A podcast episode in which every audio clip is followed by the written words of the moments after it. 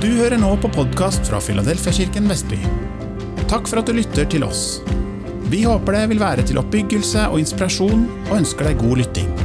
Finn flere taler ved å søke Filadelfiakirken Vestby i din podkastapp. Ja, det er deilig å stole. Det er sånn varp som jeg kom på, eller som, som jeg lager nå. Når man sitter på en stol, så kan man stole. Og det er faktisk noe jeg tenkte å snakke om i dag.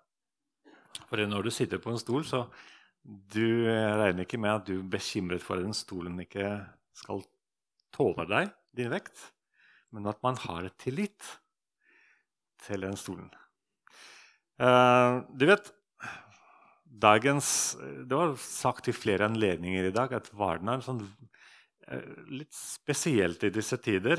Når man uh, leser aviser, når man ser hva som skjer rundt oss hører om strømpriser, om boligrente eh, Ja, jo nærmere om krigen. ikke sant? Så man, det, er ikke, det, er ikke, så veldig mye positive ting man, eh, man hører om, om dagen.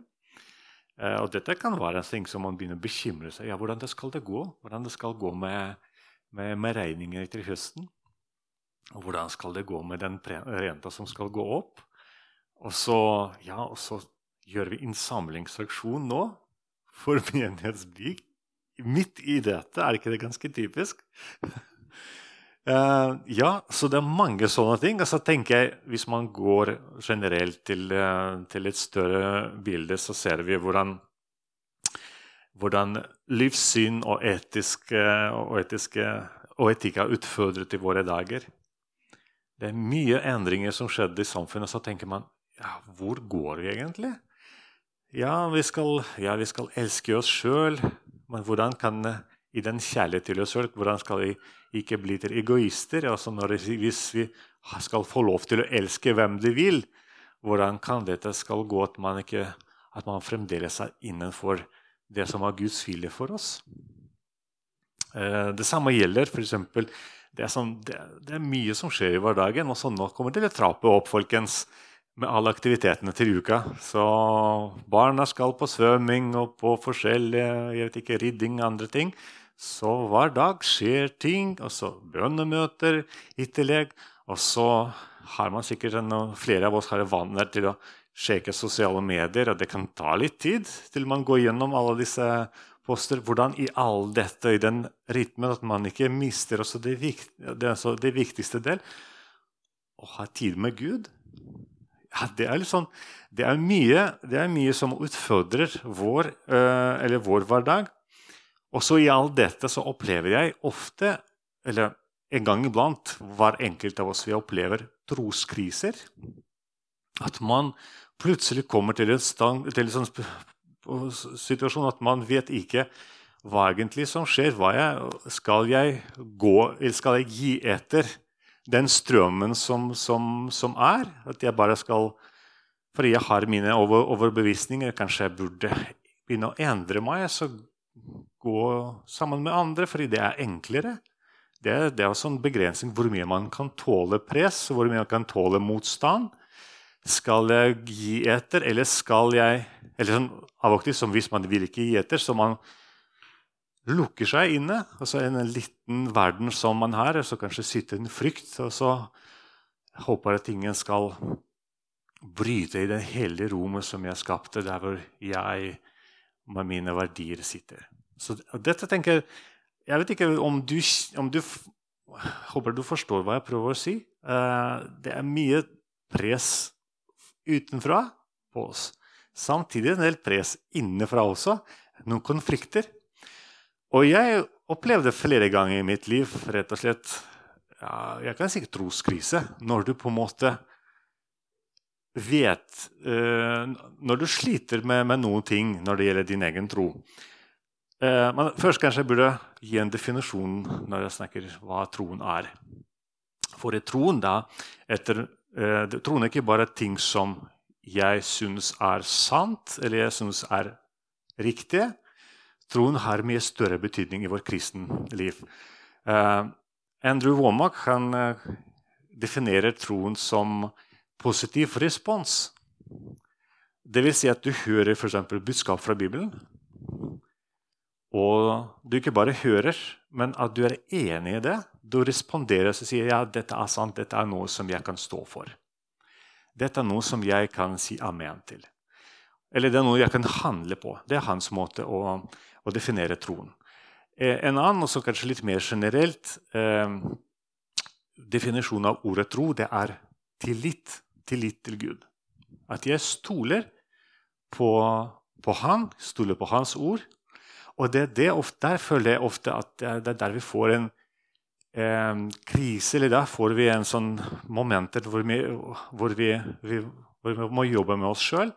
At kommer tanker Kan jeg virkelig fremdeles stå for det jeg sto før? Når jeg ser at rentene går opp, og så jeg må kanskje begynne å bekymre meg, og så hører jeg Jesus sier, 'Ikke bekymre for dagen i morgen, for jeg skal være sammen med deg.'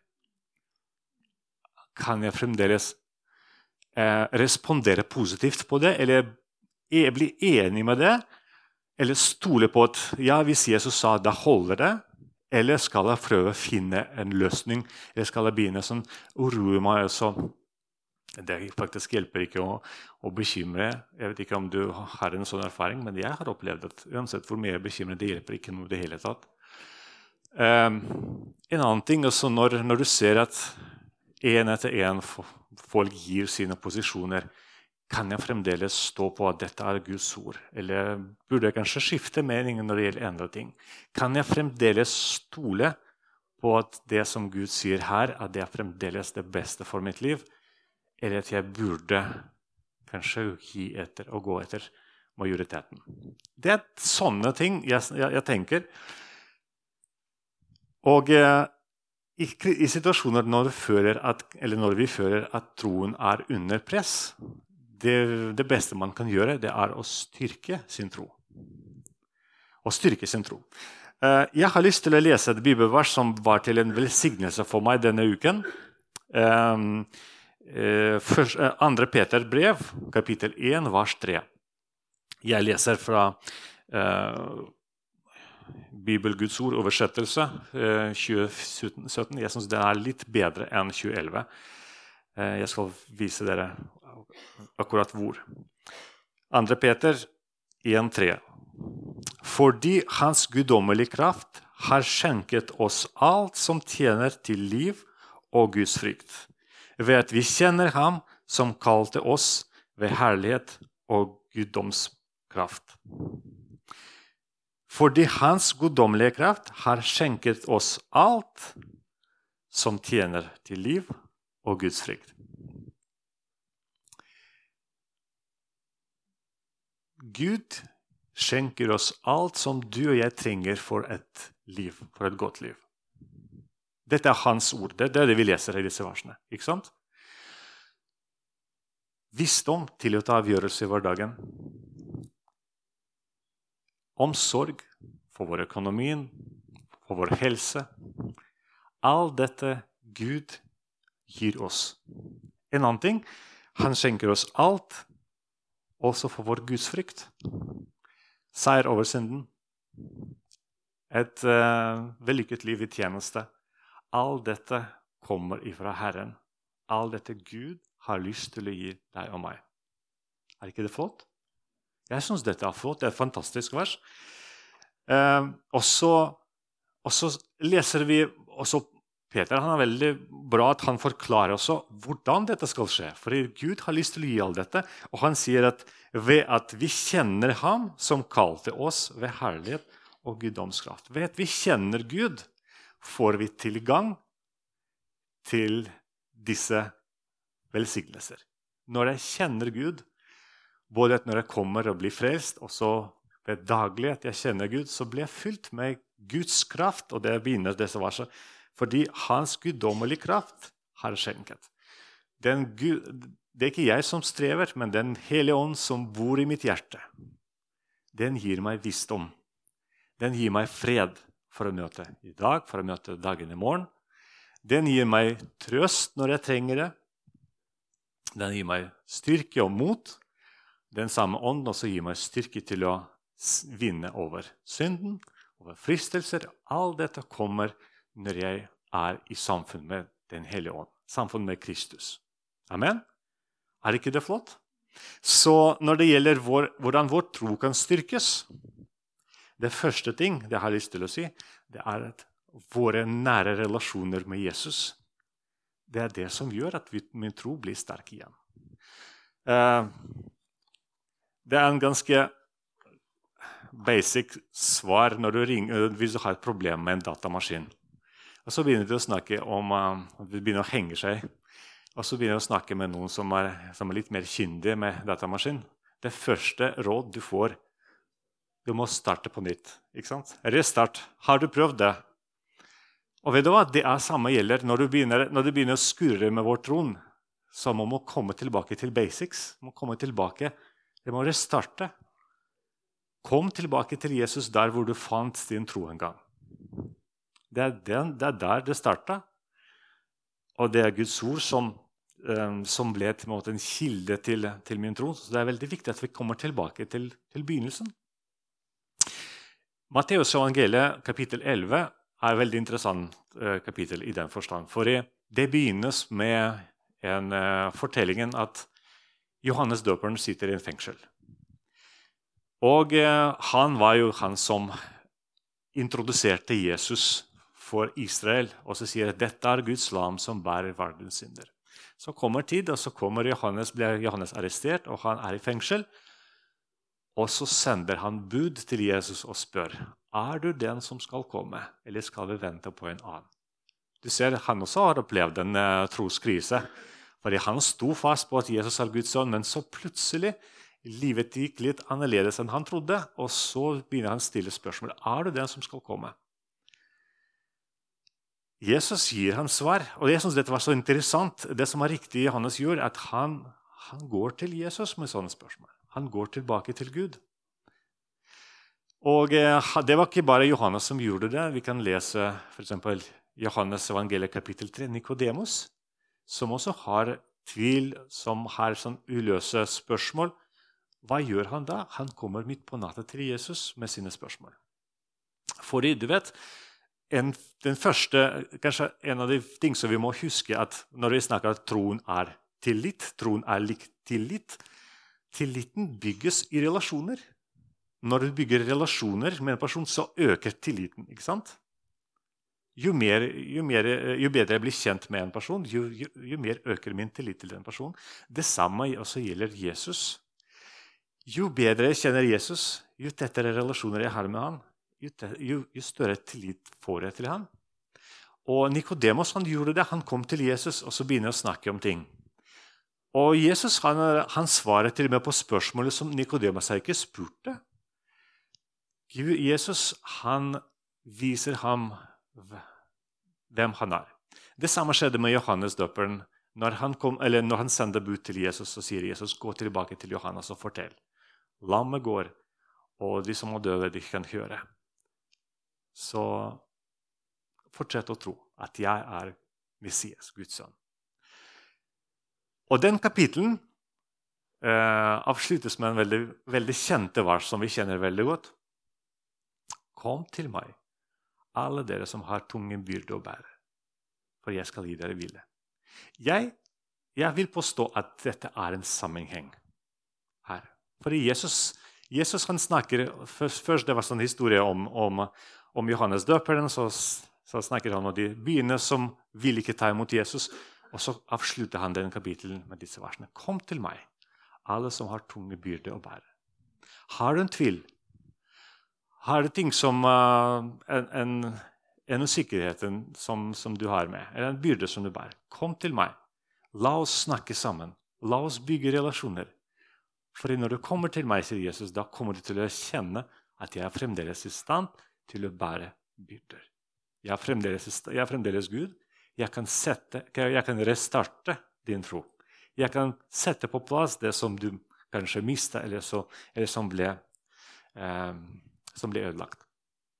Så Det er den første ting som jeg har lyst til å oppmuntre oss til i dag. Når, når vi trenger påfyll. Kom til Jesus. Hvordan kan vi komme i dag? Jo, vi går i Guds ord, fordi dette er kilde til hans åpenbaring, og vi kommer til ham i bønn. Og eh, Guds ord sier følgende, eller Bibelen sier følgende om Guds ord. For Guds ord er levende. Det er Hebreerne 4,12. For Guds ord er levende og virker kraftig og skarpere enn noe tvergets sverd. Guds ord er levende. Hva betyr det? At den responderer, det kan kommunisere. Den, den samarbeidsviljen Når jeg stiller spørsmål, så Gud gir meg svar gjennom Bibelen, så jeg får svar som jeg trenger. Dette er også Bibelen sier dette er vårt daglige brød.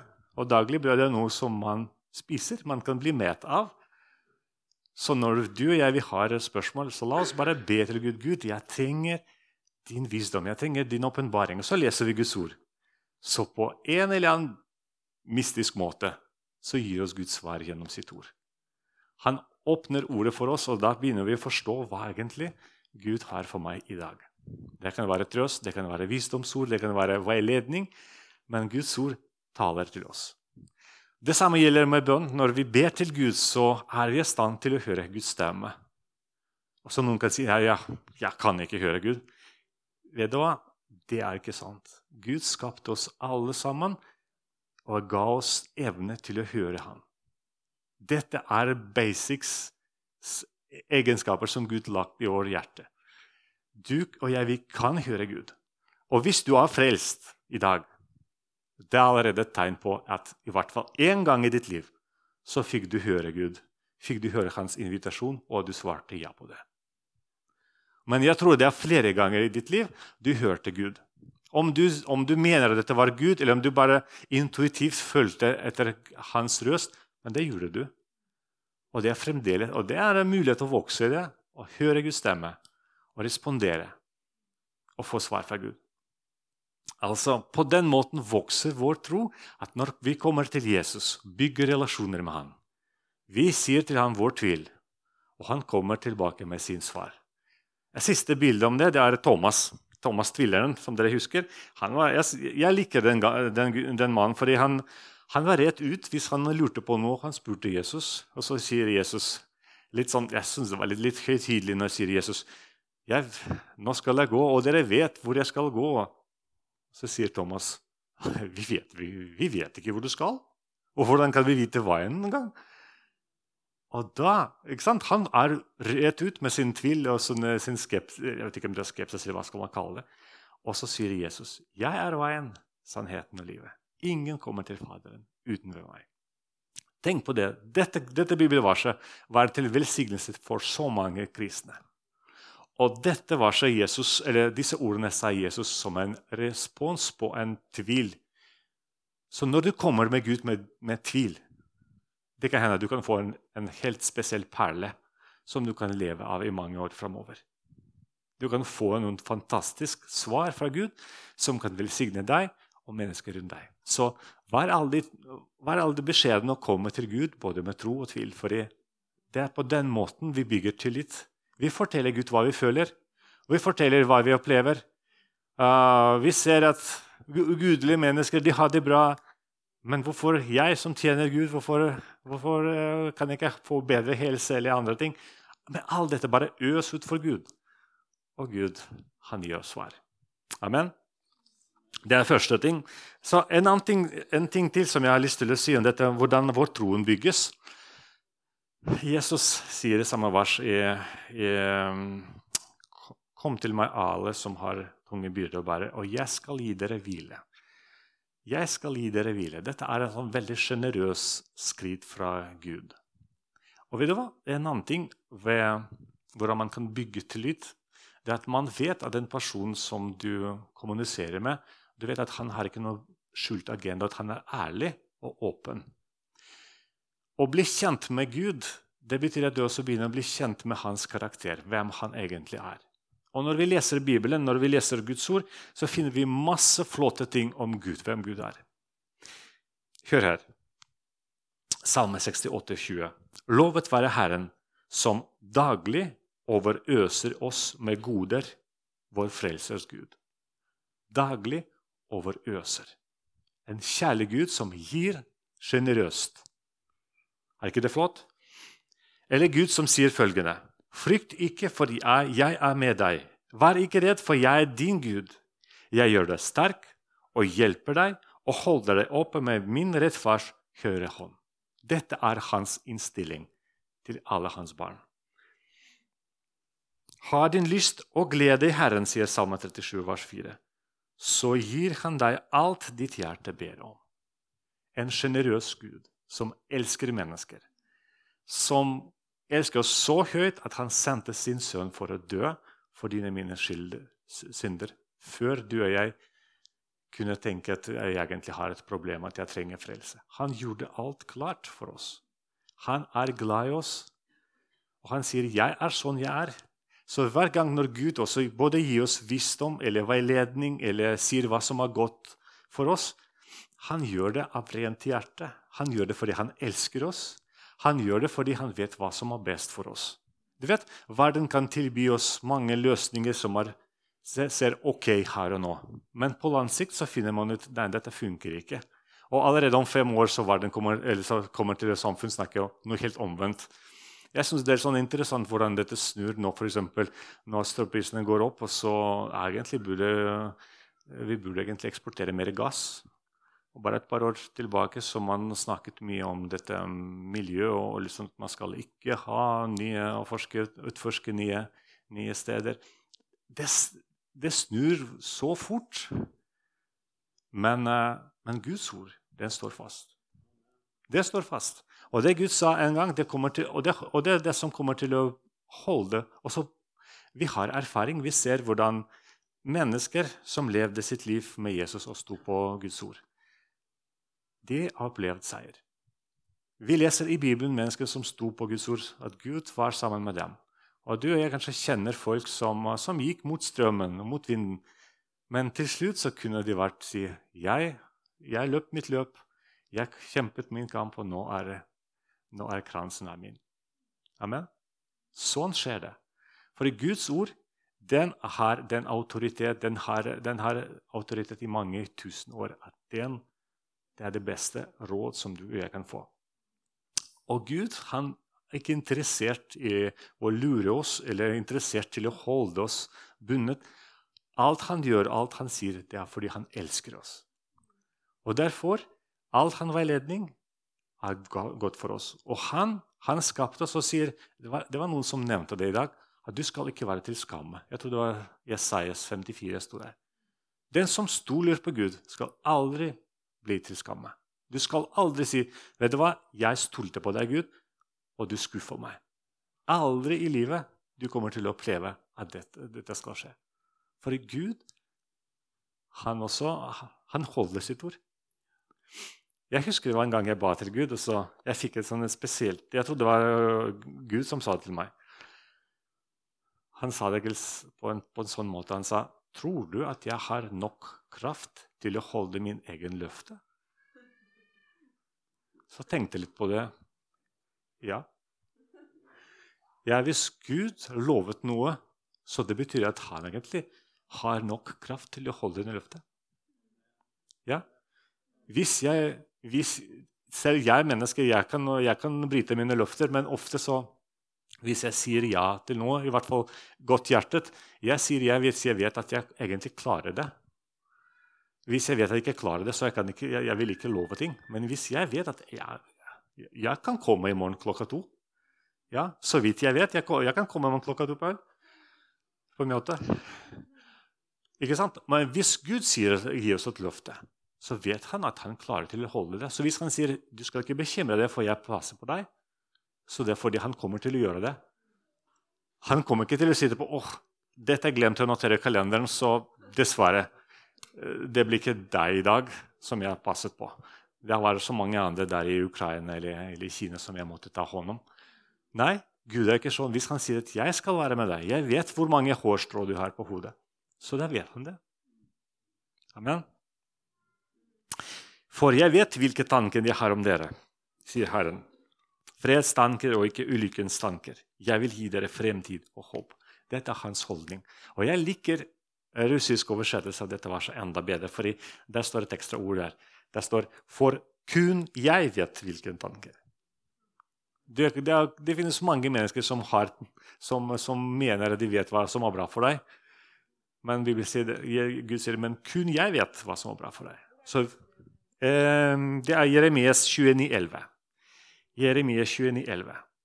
Jeg vet hvilke tanker jeg har. Og det er, frem, det er tanker som gir deg fremtids og håp. Det er ikke ulykkestanker. Kan du stole i dag på at Gud er uh, god for flere andre mennesker, men også han er like god mot deg også? Ja, han er god. Og han skal aldri, aldri svikte. Um, jeg skal avslutte snart, selv om jeg hadde to sider til. Uh, jeg skal ikke gå gjennom det. Men um, um, en siste ting som jeg hadde lyst til å si, er å komme tilbake til disse definisjonene angående troen. Fordi tro handler først ja, det, det, ene vi sa, at troen det er en tillit. At jeg stoler på Gud. At jeg ikke hvile. jeg kan sitte på den. Hvis du tar, tar, det som et bilde Jeg kan sitte på stolen jeg kan hvile. Jeg trenger ikke anstrenge meg hele tida og så håpe at ikke den, at den stolen tåler. Jeg kan stole. Stole på Gud. Men også en annen ting. Eh, det er også veldig viktig ting at uh, troen det er også vår aktiv respons, positiv respons på det vi hører. Fordi du vet, Vi hører mye bra fra talerstolen her. Og eh, det høres så bra. Men, men, det er veldig viktig at du og jeg vi også sier vet du hva, dette er egentlig faktisk noe som jeg har lyst til å ta imot. Det er noe som jeg har lyst til å ta med meg hjem. Det er noe som jeg har lyst til å tenke òg. Eller det er måten hvordan jeg har lyst til å tenke videre. Ja, det vi hørte at Jesus er god. Men det, nå kommer mandag, så jeg har fremdeles har lyst til å bruke dette som en argument. Jeg skal ikke bekymre meg fordi Gud er god. Ja, jeg bestemte meg at det jeg hørte, jeg skal bruke. Dette er også troen. Dette er min skritt til tro. På en måte mitt respons, positiv respons. Eh, eller at hvis jeg hører at Gud helbreder mennesker, da tror jeg at han kan helbrede meg også. Og han skal helbrede meg. Jeg skal be til han, og han skal svare. Dette er vår respons. Og når vi leser um, Hebreabrev kapittel 11, så kan vi finne masse eksempler på mennesker som var troshelter. Og felles med dem var at de tok imot det de følte dette var på en måte Guds budskap for dem, og de levde etter disse prinsippene. For eksempel eh, leser vi om Jeg skal ikke gå gjennom alle, men Henok han er en spesiell gutt, eller mann. Henok i vers 5 sier i tro ble Henok rykket bort uten å dø. Ingen så ham her, for Gud hadde ham, uh, tatt ham til seg. Før han ble rykket bort, fikk han vitnesbyrd om at han var til glede for Gud. Dette skjedde før vi fikk evangeliet. Dette, fikk vi, dette skjedde før vi hørte at Jesus, at Gud elsker alle sammen. Den mannen fikk åpenbaring at han er til glede for Gud. Og han bare stolte på det. Han tok det imot. Ja, vet du hva? Da er jeg til glede for Gud. Ja, da er Gud glad i meg. Ikke sant? Så dette var på en måte den åpenbaringen som han tok til seg, og han levde etter den prinsippen. Jeg lever. Jeg kan, jeg kan bygge relasjon med Gud fordi han er glad i meg. Det var, det var hans tro. Og så, og så Gud bare tok ham til, til, seg. Ok, greit. Hvis du, ja, hvis du tror på det, ja, da, da lærte du noe eh, veldig viktig, så egentlig det er det beste du kunne lære, at du og min sønn kom hit med en gang. Eh, en annen person som, uh, som også eh, står i disse versene, det vers 7, det snakker om Noah. Dere så den bildet om innsamlingsseksjon som vi hadde. I bakgrunnen, jeg, vet ikke om dere har lagt merke til at dette var uh, Noahs ark.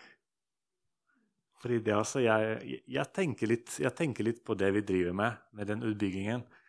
Vi bygger for fremtiden. Vi bygger for tider som kommer. Og Noas ark var akkurat den uh, strategisk eh, prosjekt som ble bygd for å redde flere liv. Så vi også tror at dette, det vi bygger nå, det skal være med i for å redde mange mennesker. Men det som var spesielt med Noah, han også fikk åpenbaring fra Gud at det skal komme en flom, og at de skal bygge en båt. Og han begynte å bygge.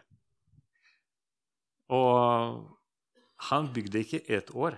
For vi håper at barnehagen skal stå ferdig om et år. Han bygde 120 år. Han hadde ikke noen firma som bygde for ham. Han hadde ikke noen mot motorsag, batteridrill eller noe sånt. Han bygde for hånd, han og tre, tre sønner hans. Det var et langt prosjekt. Han trodde på det han fikk eh, fra Gud, og han begynte å handle i det. Han svarte, eller responderte positivt på det han fikk gjøre. Og det er sånn noe hvordan troen er.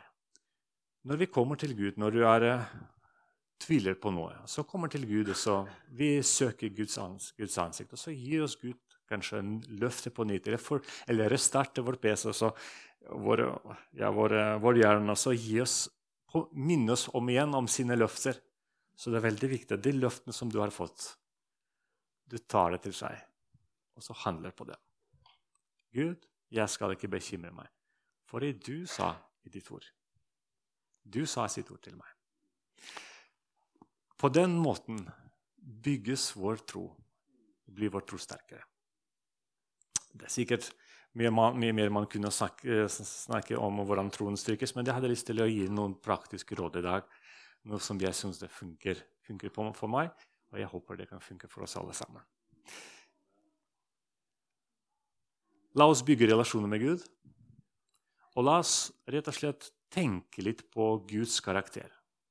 Gud, kan han, er, kan, kan han være i stand til å svikte? Kan han være i stand til å ha dobbelt agenda. Nei. Det betyr at han er for deg. Han sier at han står ved din side, og han skal alltid kjempe for deg. Han er interessert mer enn deg og meg at du skal lykkes. Fordi vi er hans barn. Amen. Er, jeg, jeg, jeg, vil gjerne at mine barn skal lykkes i livet. Jeg har lyst til å se dem at de, de har det bra, og, de, og jeg har lyst til å gjøre det jeg kan for at de skal få det til. Og Gud, og jeg, og jeg som har ufullkommen far, tenk på Gud som har alle ressurser, og Gud som elsker oss så høyt. Hvor mye mer har dere gjøre det? Er du nysgjerrig på Jesus og har lyst til å lære mer? Da er du hjertelig velkommen hos oss i et varmt og inkluderende fellesskap. For møteoversikt, aktiviteter og mye mer, se filadelfiavestby.no.